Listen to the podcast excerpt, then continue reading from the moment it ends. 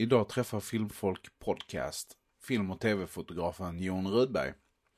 Jon berättar om hur han började med lågbudget musikvideos till MTV och reklaminspelningar för Lego. Det dyker även upp många bra tips om ljussättning, planering av foto, samarbete med regissörer och lutta. Det kan bli rätt tekniskt emellanåt, men eh, väldigt spännande. Varsågoda, Jon Rudberg. Du jobbar med filmfotografi.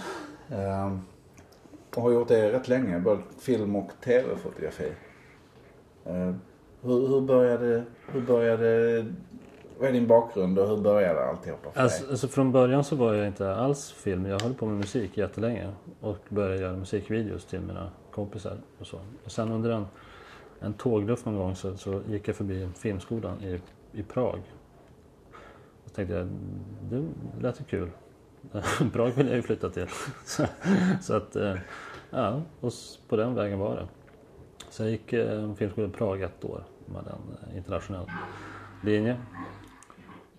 Ehm, Och sen så efter det så började jag väl jobba mer som B-foto och C-foto. Så jag jobbade jättelänge som, som, som B-foto. I Sverige?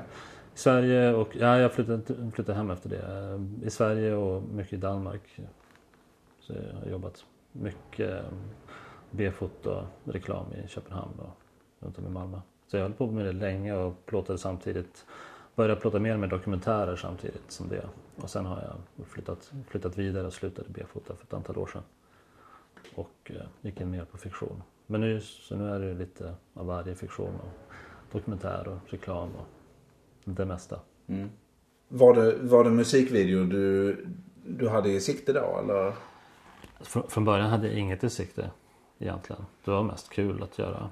Vi började göra musikvideos och då hade man ju inga pengar alls till budgeterna. Det, det kanske kunde vara 300 spänn eller någonting. Eh, som man fick om det för det var mest indieband. Men då var det mycket, då, gjorde, då kunde vi göra till exempel en Super 8, en video på Super 8. Och sen filmade vi av det med en, med en SVS-kamera. Och så klippte man det på SVS.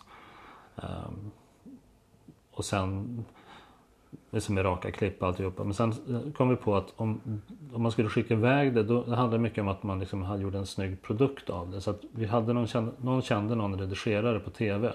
Där vi uppe i Umeå då. Så att vi brukade klippa dem på SVOS och sen gå till TV och så fick han lägga över det på en beta. Så vi gjorde en del videos som gick, vi skickade till MTV då med snygga etiketter och så gick de på Alternative Nation. Jag kommer ihåg en video vi gjorde typ till ett band från Luleå som, som eh, gick på Alternative Nation i ja, en månad liksom på, på, på A-listan. Som hade kostat 300 spänn att göra. Liksom. Så det fanns eh, möjlighet eh, redan då, vad var det här 90-talet? Och, Ja, och göra billiga, billiga produktioner? absolut. Det, för det är det man säger nu, att nu, nu är allting så billigt att göra, det är så billigt att göra filmer. Alltså, det, allting är billigt att göra om ingen tar betalt. Jag menar, sen om du skulle göra, på den tiden då var det ju 35 eller 16 då som man skulle göra på. När man gjorde, gick göra någonting på 16, då hade man ju ändå inte råd med, då hade man liksom en rulle film. Jag kommer ihåg vi gjorde en video till en låt som var 6 minuter och vi hade en rulle film som var 11 minuter. Det blev inte världens bästa video. Så det hade varit smartare att göra den på liksom high 8 eller någonting. Men eh, fick du då någon form av känsla av att eh, det här eh, det går att få ut saker som är Ja men det tror jag. Det tror jag var en stor grej. Att man gjorde någonting och sen visades det och tänkte man ja svårt kan det vara. Liksom. För MTV var ju rätt kreddigt på den Ja, tiden. eh, ja. och Och det handlade väl troligtvis mer om bandet än vad det egentligen handlade om videon egentligen. Men, men, eh, men det var ju roligt för då såg man att ja, men det går att få ut. Och 90-talet var ju, i alla fall Norrland på 90-talet, början var mycket så här gör det själv känsla. Och då, då blev det musikvideo ett tag och sen, sen gick, gick du över... Ja, då- hur, hur fortsatte det efter det? Ja då, ja, då gick jag i filmskola och sen så efter det så, så halkade jag in. Min första långfilm var som C-foto. var en, en långfilm Jan Troell som heter Så vit som en snö.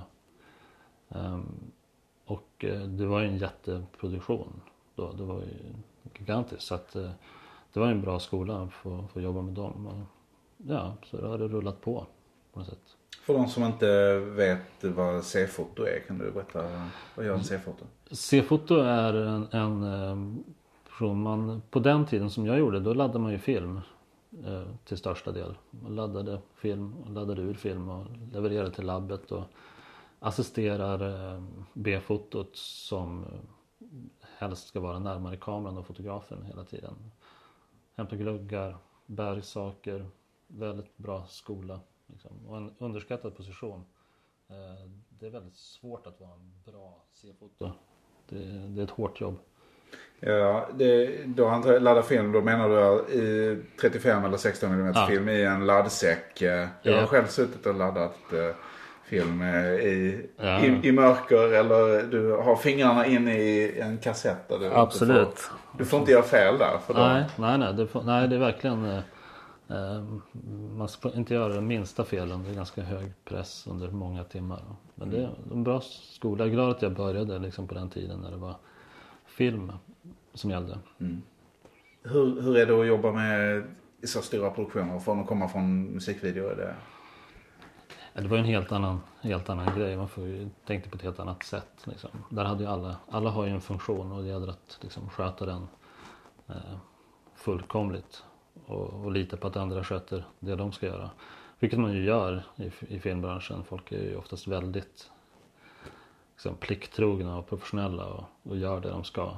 Annars blir man ju oftast inte kvar så länge. På något sätt. Eh, sen, sen efter den här långfilmen och de här stora eh, sammanhangen med, med massor av människor inblandade. Så gick du till dokumentärfilm. Där ja. det är väldigt mycket mindre team antar jag. Ja men jag har nog blandat det en hel del. Att jag har jobbat som B-foto mycket genom reklam. Och så har jag plåtat dokumentärfilm samtidigt. Det var en bra blandning. Jag tror att eh, de befruktar varandra rätt så bra. Man lär sig mycket på dokumentärfilm som man kan använda även i större begrepp. Alltså i större produktioner. Eh, man lär sig att ljussätta sparsamt och att jobba snabbt och, och veta vad man verkligen behöver. För du, du liksom, man kan inte göra om någonting så du måste gå in i varje situation och veta precis vad är det som behövs av det här. Vad är fokus i, i den här scenen och vad, vad, vad måste vi ha med oss. Och det är väldigt nyttigt när man gör fiktion också. Inte överljussätta, inte göra det för stort och för svårt och komplicerat. Eh, det är väldigt, när man började ljussätta, när jag började ljussätta större grejer, liksom hade, fick, fick jag fler lampor än en. Då satte man upp alla lampor från början. Och så tänkte man, varför ser det inte bra ut? Tills man insåg att man ska sätta upp en lampa. Så ska man titta. Och sen ska man se om man verkligen behöver sätta upp en till lampa. Så man ska göra på samma sätt som man gör dokumentär. Så få ljuskällor som möjligt och eh, bara det som behövs egentligen. Hur mycket planering, hur mycket planerar du innan en inspelning av, säg en, uh, när det gäller fiktion? Och, eller, och till, kanske i jämförelse med att uh, spela in dokumentär? Alltså dokumentär är ju en, är ju, handlar ju väldigt mycket om att komma in i olika sammanhang och att vara social del av, av det hela. Eh, och verka avslappnad och lugn mot, mot folk. och samtidigt vara beredd på, på, på allt. Eh, men jag, jag, man, eh, eftersom jag var B-foto så länge så lärde man sig också ha koll lite grann på utrustning och alltid ha liksom batterier laddade, kameran redo, alltihopa. Och det, det är det som är grejen med dokumentärfilm. Man ska vara redo att, att, eh, att köra hela tiden. Det, jag kommer inte ihåg vem som sa men det är någon regissör som sagt att man ska vara nyskiten och nyäten jämt.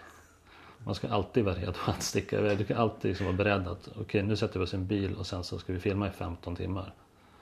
Och det liksom måste du vara beredd på dygnet runt i stort sett. Det är ju väldigt kul. Men eh, eh, och man kan ju också lära sig från fiktion till dokumentär att, att eh, kanske använda sig av ljus och, och, och kamerarörelser och så för att berätta någonting.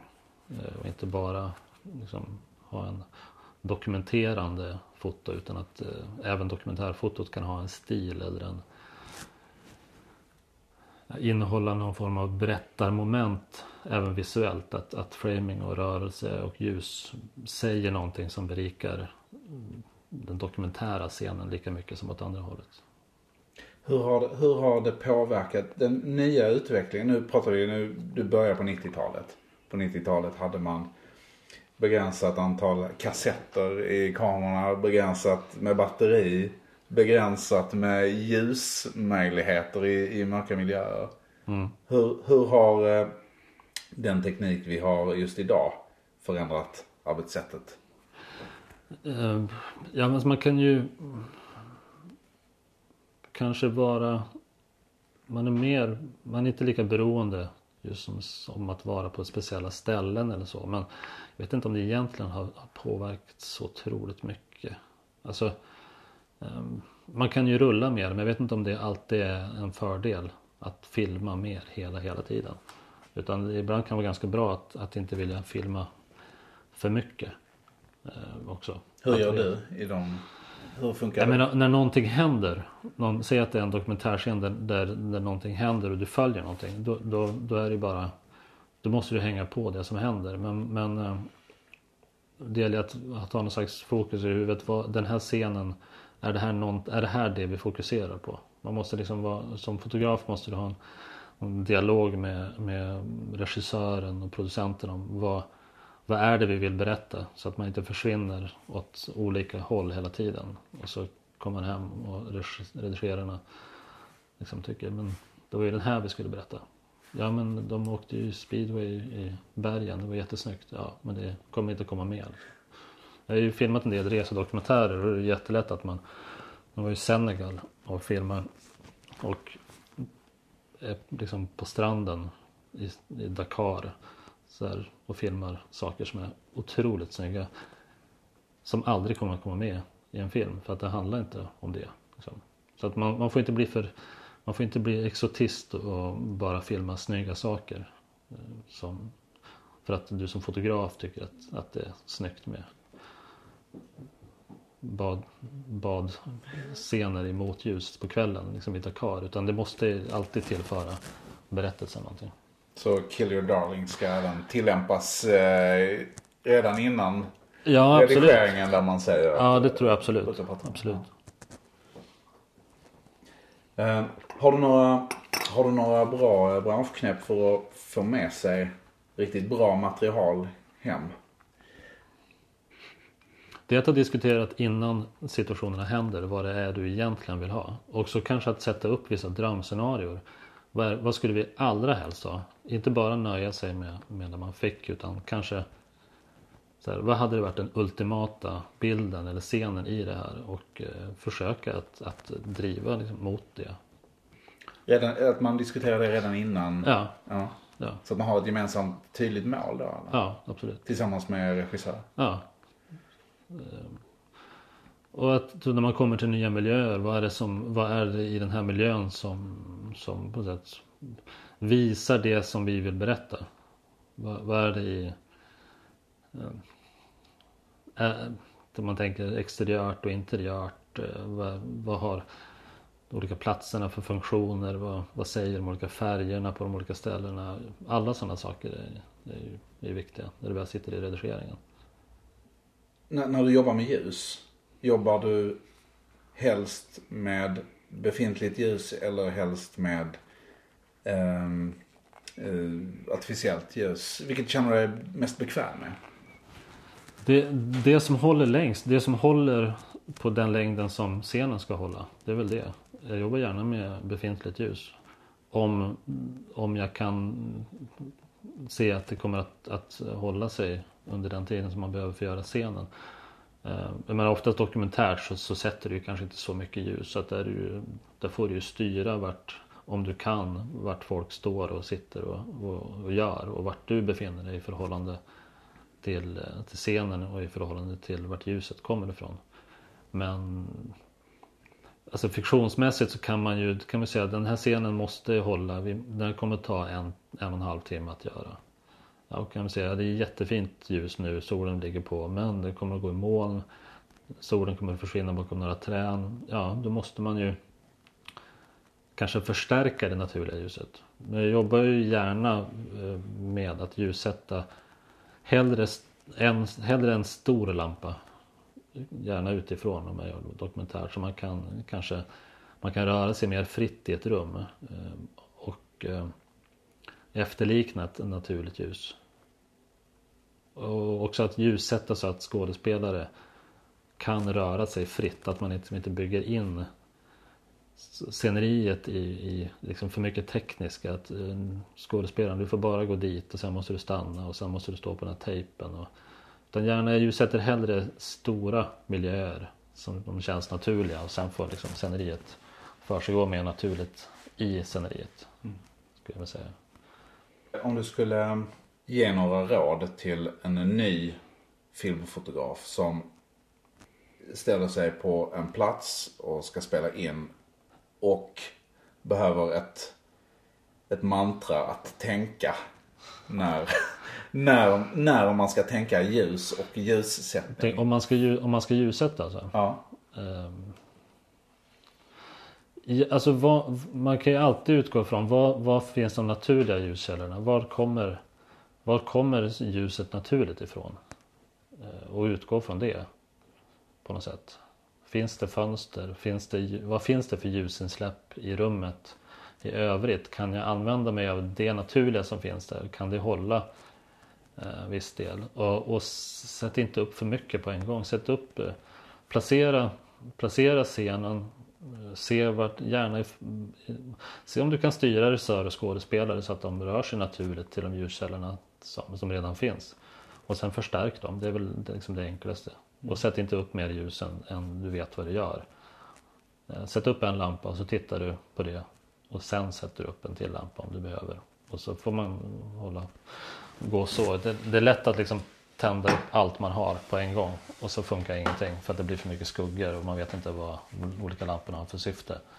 Och då tar det längre tid att släcka och komma rätt med det än att man liksom gör det ordentligt från början.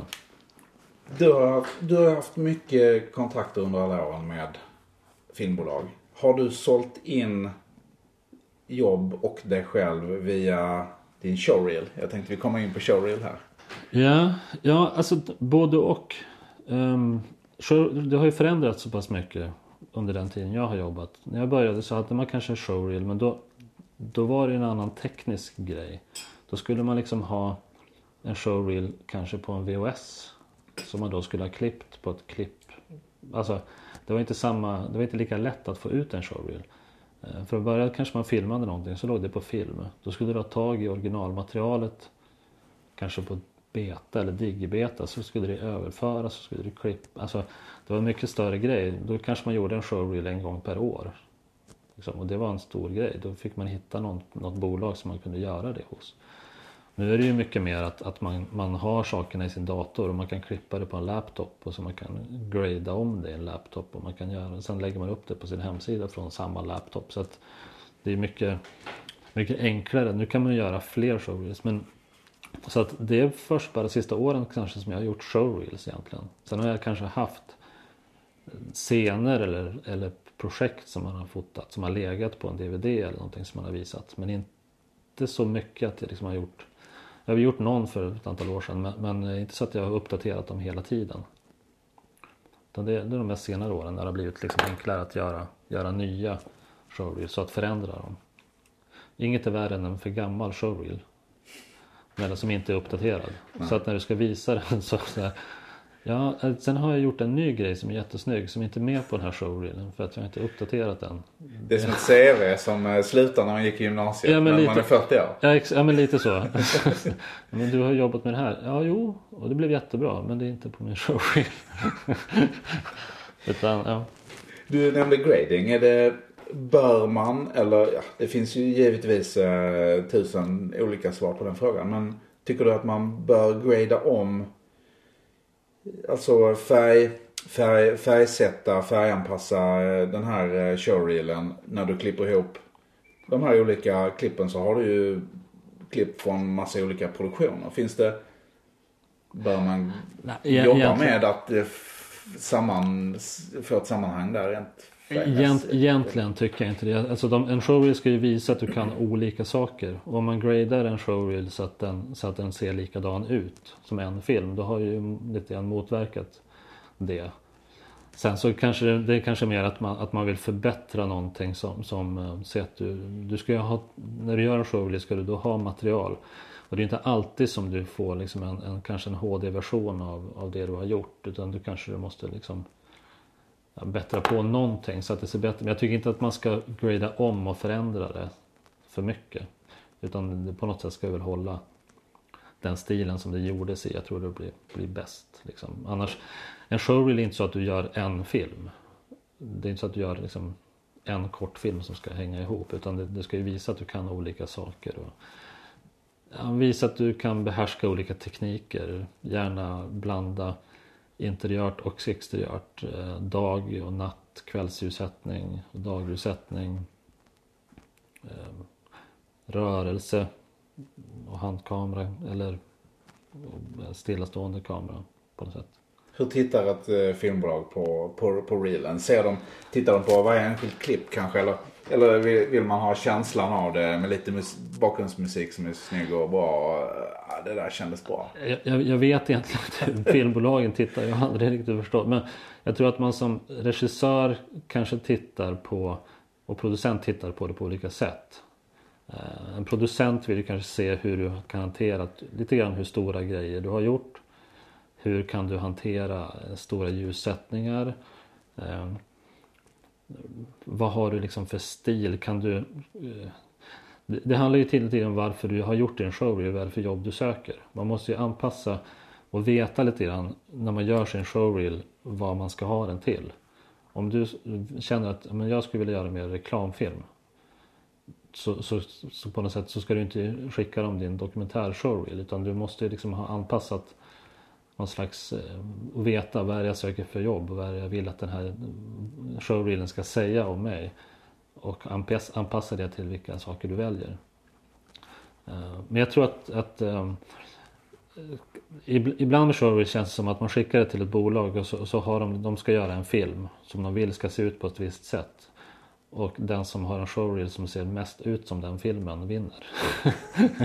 Vilket kan vara lite fånigt ibland för att eh, som fotograf ska du visa att du kan göra olika saker. Eh, så att eh, du ska väl ha en showreel som visar så mycket olika saker som, som, som helst egentligen. Att du kan anpassa dig och göra, göra olika grejer.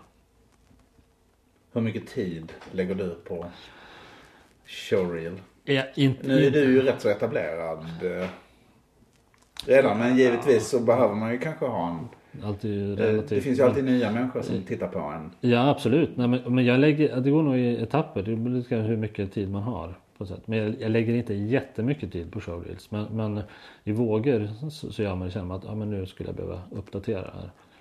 Ehm, och lägga till saker och kanske ta bort vissa saker som man känner att ja, men det här Säg att du gör någonting på din showreel som du har med för att det visar att du kan göra den sortens projekt. Eh, men egentligen kanske inte man kanske inte, det, det är inte det man är mest förtjust i och så gör man någonting som man tycker är bättre som visar samma sak. Då vill man kanske byta ut det nya mot byta ut det gamla mot det nya. Ehm, så då, jag, har, jag, jag har ju liksom alltihopa i datorn så jag kan ju klippa själv och grada och göra alltihopa. Så att då, när det har blivit några sådana saker, och man känner att det här representerar inte liksom vad jag kan längre, då är det dags att, att börja uppdatera.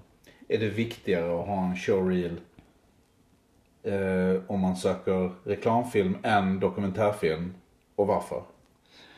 Jag vet inte om det är viktigare, men, jag tror att eh, det gäller att jag tror att det är vanligare i reklambranschen och produktions, hos produktionsbolagen att den att man som fotograf skickar en showreel med olika liknande projekt än inom branschen.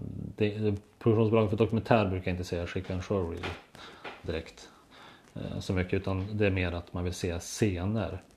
För där handlar det kanske mindre om en look utan mer om hur man liksom fungerar socialt och vad man kan berätta för saker. Så att en, en dokumentär showreel ser ju inte ut som en reklamshowreel. En show, reklamshowreel är ju oftast kortare eh, jag tycker att, att eh, dokumentär ska man inte, eh, inte liksom ljudlägga med musik så mycket och, och liksom grada lite vildare utan det ska liksom innehålla mer raka scener egentligen.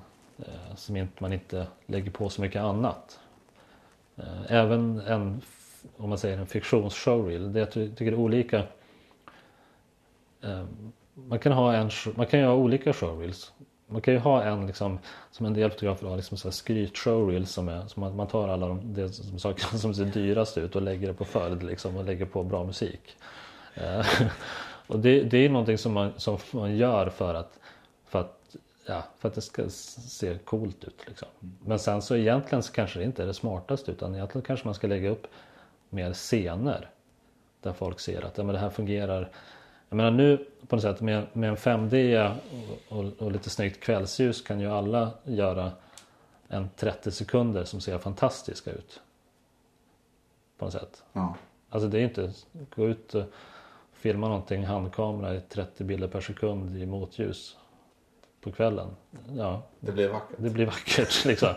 men, men, eh, men det är ju en annan sak att göra någonting som, som visar att man kan göra eh, hålla en slags kontinuitet och att hålla, eh, hålla kvar det. Inte bara göra 30 sekunder utan man kan, liksom, kan göra ett helt projekt. Men eh, för tv-serier skulle du kunna göra kanske åtta avsnitt. Liksom, du skulle kunna hålla samma nivå under flera månader i alla miljöer, under alla scener. Och det är det som man måste på sätt visa med en, med en showreel också. Att, att man kan göra man kan hålla samma nivå oberoende av liksom, tid och plats och sådär. Ja. ja det, är, det, är, det, det blir ett verktyg som Speciellt kanske för de som inte har etablerat sig riktigt i, bland, i branschen där det kanske inte finns Det finns en, ordet går inte runt kanske ännu nej, riktigt nej. utan som ett CV i princip. Ja och det är, det är jättebra. Det är demokratiskt väldigt trevligt att, man, att nu finns till att man inte behöver ha Eh, som förut att man behöver tillgång till en massa pengar för att kunna ha råd att visa upp att du kan någonting. Utan du kan också, som man säger om det här med 5D, att gå ut på kvällen. Att man kan visa att man ju faktiskt kan göra saker utan att det kostar hysteriskt mycket pengar. Eh, på så sätt är det väldigt trevligt att det har blivit lättare att göra saker själv. Eh, och det är nog många fotografer som, som kommer fram nu som kommer mer från det hållet. Det är inte längre att man att, att man kanske måste, måste börja jobba som C-foto i två år och sen fem år som B-foto och sen får du plåta någonting. Utan nu kan du ju på sätt hoppa på lite tidigare. Mm. Men frågan är också vad som händer med eh, lite hantverkskunnande och eh, förmåga att berätta historier när man, när man går så fort in i det. Det är det som ja. kan vara det blir en, förvandling av eh, berättarteknik och eh, ljussättning, bildspråk ja. också ja. antar jag. Liksom. Ja. En sorts Instagram-effekt. Ja, det kan bli det. Men det kan också bli väldigt bra. Ja. Alltså. Ja, du, du har ju jobbat rätt mycket tv. Mm. Eh, och eh, som, som jag ser på IMDB varit fotograf på två rätt långa tv-serie. Mm. Halvvägs till himlen. Och Starke man. Och Starke man. Ja. Hur, eh, hur är det att jobba med så långa projekt? Alltså jag gillar, jag, jag gillar att jobba på, på långa projekt faktiskt. Jag tycker det är skönt att veta. Också att, att på något sätt sätta en hel serie. Eh, med, med Halvvägs till himlen eh, var skönt för där, nu, nu börjar vi snart tredje säsongen på den. Det har jag gjort eh, hela säsongen, alltså både block 1 och block 2. Eh, det, det har varit det är lite lyx för då, får man ju verkligen sätta serien. Jag är kvar men det kanske kommer en ny regissör. Men man får, det är fortfarande visuellt så, så kan man sätta serien. Man jobbar ju tillsammans givetvis men man har bra kontroll över, över alltihopa. Blir det mer som ett 8 5 jobb eh, då i princip under en alltså, längre tid? Alltså jag tror aldrig filmbranschen blir ett 8 5 jobb på något sätt. Det, det blir såklart att, att det blir eh, du, du, går, du går till jobbet så kommer du hem och så går du till jobbet men eh, och det är att det inte blir sådana här 14 timmars dagar utan man måste ju hålla någon form av rimlig arbetstid när man jobbar så lång tid. Men eh, det är också, det är också en skön känsla att veta att ja, men, vi gör det här om, om tre veckor också. Och allting måste inte lösas idag liksom. Men däremot så, däremot så är det svårare för att det måste också hålla en kontinuitet. Ehm, du, kanske beroende på skådespelartillgänglighet måste filma början på en scen och fyra, fem, sex veckor senare ska du filma fortsättningen på scenen i en annan miljö. Och då gäller det att hålla kontinuitet i ljus och stil och, och tempo och, och alltihopa. Så att det liksom klipper bra. Är det vanligare i tv-sammanhang än i filmsammanhang att man, att man har uppstyckade skådespelartillgång? Nej, jag, jag det händer i långfilm också. Men, men eh, jag menar, nu är ju en, en det är få svenska långfilmer som kanske håller på mer än sex veckor. Um, och en tv-serie har ju också oftast en större, större skådespelarpool. Ehm, och då handlar det om, om skådespelartillgängligheten. Att, att, eh, att vissa huvudpersoner kanske är där varje dag eller i alla fall några dagar i veckan. Men sen kanske vissa andra karaktärer bara har liksom två dagar på en serie. Och de kan vara där första veckan och sista veckan eller så. Då, då läggs ju scener så att, så att det passar. Det är ju inte en ultimat men så kommer det alltid vara. Men jag, det, jag tror att det händer, jag tror att det är vanligare på tv-serier än långfilm. Det, det beror nog på lite grann. Det beror lite grann på projektets, vad, de har för, vad man har för ekonomiska förutsättningar också. Ehm, om, om hur många dagar man har på varje location, hur, om man kan bygga sin location någonstans eller, eller inte.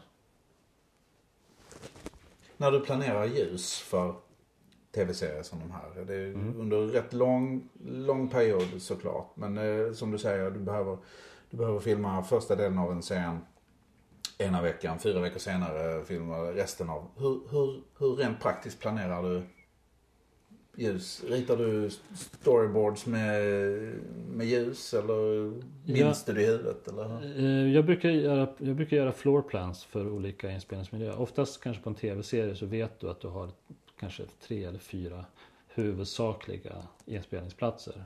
Hur ser en floorplan ut? Alltså jag brukar bara, det, ja, en, en arkitektritning i stort sett av, av, av väggar och dörrar och, och vart det finns. Och så gör jag, brukar jag göra en floorplan över inspelningsplatsen, markera vart fönster är och alltihopa och göra en skiss liksom på vad jag tror är rimliga Kanske inte alltid så detaljerat den här lampan ska stå där och, och, och så men, men eh, var, var kan jag få in ljus ifrån? Var, eh, för olika scener finns jag läser igenom manus och ser, finns det någon speciell situation i det här? Finns det någon effektscen? Finns det någon, alltså, någonting som man ska förhöja som är utöver den vanliga scenen? Ehm, som, som man behöver tänka på och planera för innan. Eh, och sen så går jag ofta igenom det med elektriker på plats på ett rek innan. Så att vi vet när vi kommer dit. I alla fall vad, vad vi vill ha ljuset ifrån. Och sen handlar det om att hitta någon slags bra metodik med regissören. Hur, ljus, hur sätter man upp scenen? Jag gillar att, att eh, titta på rep och att låta skådespelarna och regissörerna repa igenom scener mycket så att jag ser vad de gör. Eh, och sen få ljussätta. Eh, men ofta kan man ju kanske veta var ljuset kan komma ifrån och berätta det för regissören. Stort sett. Vi, vi kan inte stå här för att vi kan inte få in något ljus här utan scenen måste hända här. Så diskuterar man det. Och sen så repar man eh, och så ser man vad skådespelarna gör. För det skiljer alltid lite grann. Praktiska skäl och även skådespelarmässigt vad de vill göra. Och så får man följa det helt enkelt.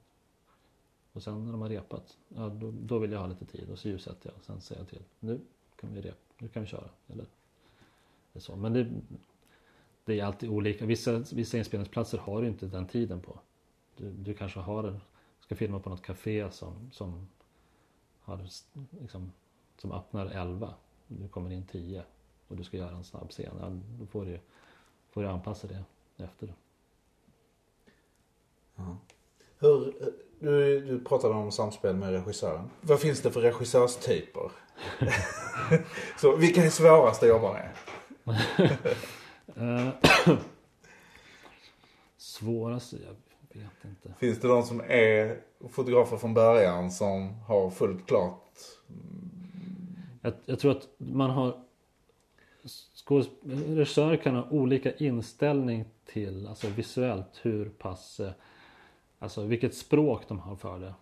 Eh, att att man, att man vissa, vissa regissörer kanske har plåtat lite själv eller de vet liksom vad, vad gluggarna heter. Och, och en del regissörer kan komma in och säga så här, jag tänkte att vi ska ha en 32 mm från hörnet och sen så går vi tajtare på en 85 och kryssar. Okej. Okay. Och vissa är mer så här, jag repar skådespeleri och jag vill ha närbilder. Liksom. Och sen så får man köra från det. Men um, det, alltså att vara fotograf handlar ju också om att du, du ska göra din egen grej men du ska ju också alltid vara lojal med regissören och berättelsen. Du måste ju, man måste alltid liksom lyssna på, på, på regissören, vad de, vad de vill ha ut av scenen. Mm. Eh, så att det är en balansgång mellan att eh, Kanske ibland så kan regissören säga men jag, jag behöver bara en hel bild på det här. Jag kommer aldrig klippa. Och då vet man som fotograf att det är mycket möjligt att så är fallet men eh, på grund av olika tekniska saker, ljusmässigt, ljud, även vad producenterna säger. Det är inte alltid som producenterna kanske har exakt samma syn på scenen som, som regissörerna har. Då hamnar man ju också lite grann mellan att man ska tillgodose projektet och regissörens vision. Eh, och jag tycker att, ja, då kan man ju föreslå och diskutera liksom, skulle vi kunna hoppa tätare och ta, ta några fler utsnitt. Liksom. Och då handlar det om att komma med förslag. Helt enkelt, som är bra nog för att regissören ska, ska vilja göra. Vilja göra det. Du är med i en förening som heter FSF. Yep. V vad står det för? Eh, fören, Föreningen Sveriges Filmfotografer. Det är, det är väl varje, varje land har ju, eller nästan alla länder i världen har i alla fall någon slags här association av, av eh, en förening för filmfotografer helt enkelt. Och FSF är svenska föreningen för filmfotografer. Vad gör de? Och vad, är det en officiell, eh, ingår det här i någon, ingår den i någon eh, internationell paraplynätverk eller hur funkar det? Ja, FSF och, näst, och andra sådana associations är ju med i något som heter Imago som är liksom en internationell förening för filmfotografer. Eh, och jag har bara nyligen, eller under ett år, varit med där så att jag är inte jätte inblandad i det. Men de ska tillvarata filmfotografers intresse i branschen och främja, främja filmfotot. Så det är ingen, det är ingen fack facklig organisation på så sätt utan det är mer en intresseorganisation. Har de någon, eh, något finger med i till exempel lönefrågor eller? Eh? De förhandlar inga löner så, och jag, jag vet. Eh, utan det, jag tror att det är mer en, en förening som man vänder sig till. Bland annat så har de representanter för att välja ut Guldbaggar och, och tillvara, ja, ge priser och så. Um, och eh, ja, det är en trevlig förening. Jag har varit på någon resa med lite andra medlemmar. Jag varit, var i, i, i London på Pinewood Studios innan förra året och testade lite nya kameror. Det var kul. Och det är trevligt att snacka med andra fotografer. Fotografer får ju sällan jobba ihop så att det är trevligt med en förening där man träffar andra, andra som jobbar på något sätt. Vad krävs det för att eh, kunna gå med i, i föreningen? Man blir invald eh, och ska rekommenderas av andra. Helt enkelt. Så att man ska väl ha väl jobbat professionellt under ett antal år kanske eller i alla fall gjort projekt som, är, som är, visar att man, är, att man kan göra olika saker.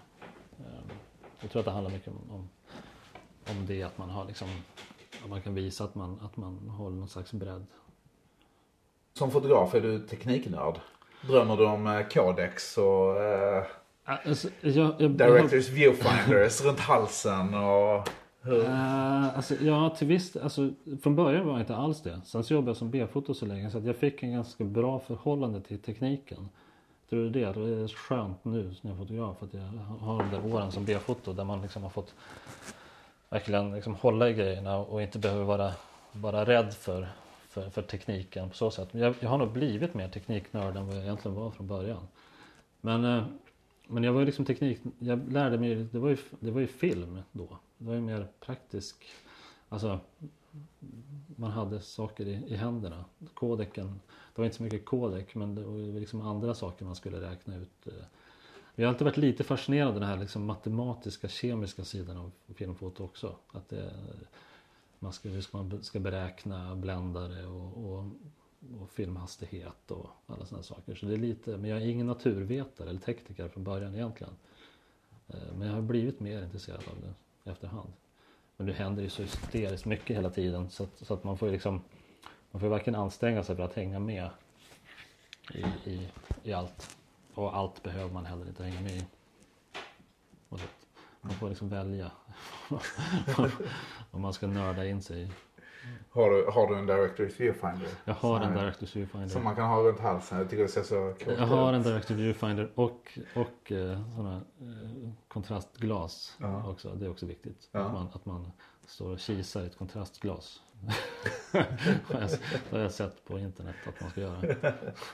Men, eh, det ser lite svår ut. Liksom. Ja, ja, precis. Jo men det, det... Är det själv så när, när jag har, när jag generellt när jag fotar, det spelar ingen roll kanske egentligen vad, men, men eh, om det är stillbild eller rörlig bild så kan jag tycka ibland att det är svårt att hitta, för när jag tittar på någonting så, så ser jag ju inte de kontraster som kommer att bli mm. i slutänden på, på film. Många gånger så är det ju så att uh, skuggor blir hårdare.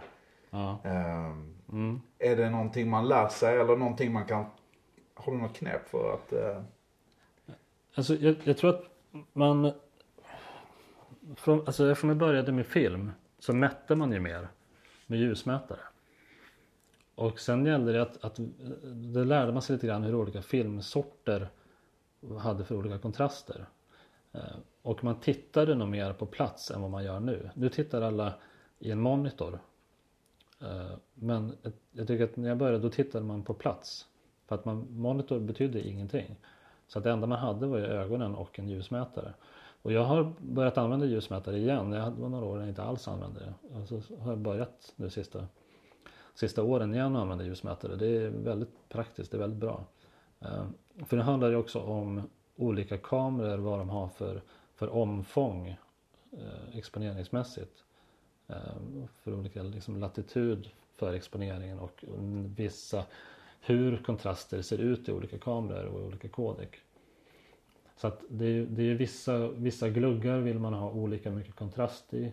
Eh, alltså en, en, en, vissa kameror tycker jag hanterar kontrast på olika saker.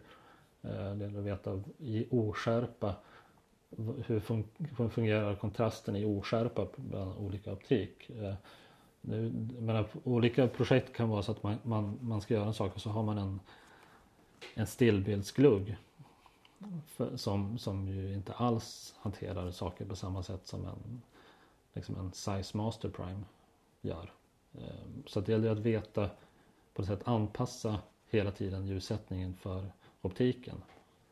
Jag är egentligen mycket mer fokuserad på optik än vad jag är på, på kamera, eh, liksom på upplösning 2K, 4K, 6K, RAW och alltihopa. Och det, det gäller att kunna kodeken någorlunda, men jag är mer fokuserad på vad optiken gör än egentligen vad, vad de olika kodeken gör.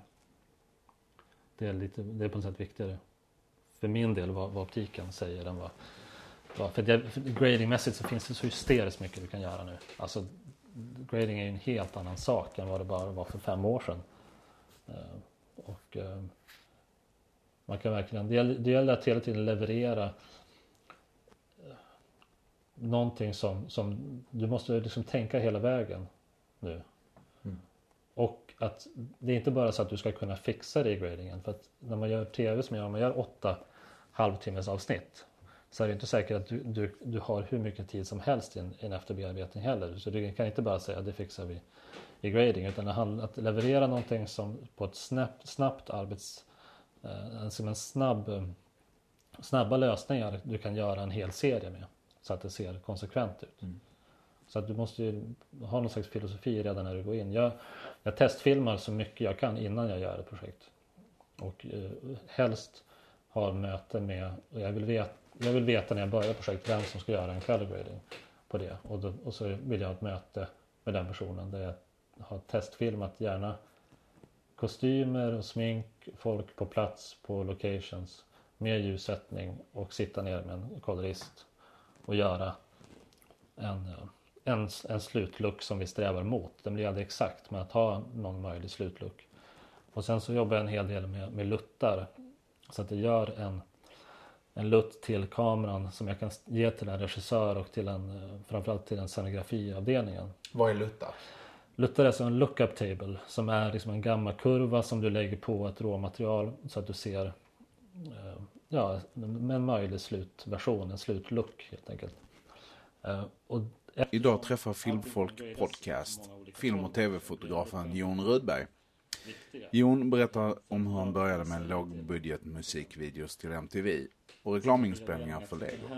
Det dyker även upp många bra tips om ljussättning, planering av foto, samarbete med regissörer och lutta. Det kan bli rätt tekniskt emellanåt, men äh, väldigt spännande. Varsågoda, Jon Rudberg. Då kan de se, om jag gör en, en lutt till en kamera som jag styr ut till en monitor på inspelningsplats, så kan de se redan på plats där vad jag menar. Så att det handlar jättemycket mycket om att, att liksom samarbeta tidigt eh, med kostymavdelningen, med mask, med scenografi, allihopa. Och, eh, och helt testfilma så mycket som möjligt och gå hela vägen. För då sparar du otroligt mycket tid på, på plats. Och exakt hur gör man den här lutten?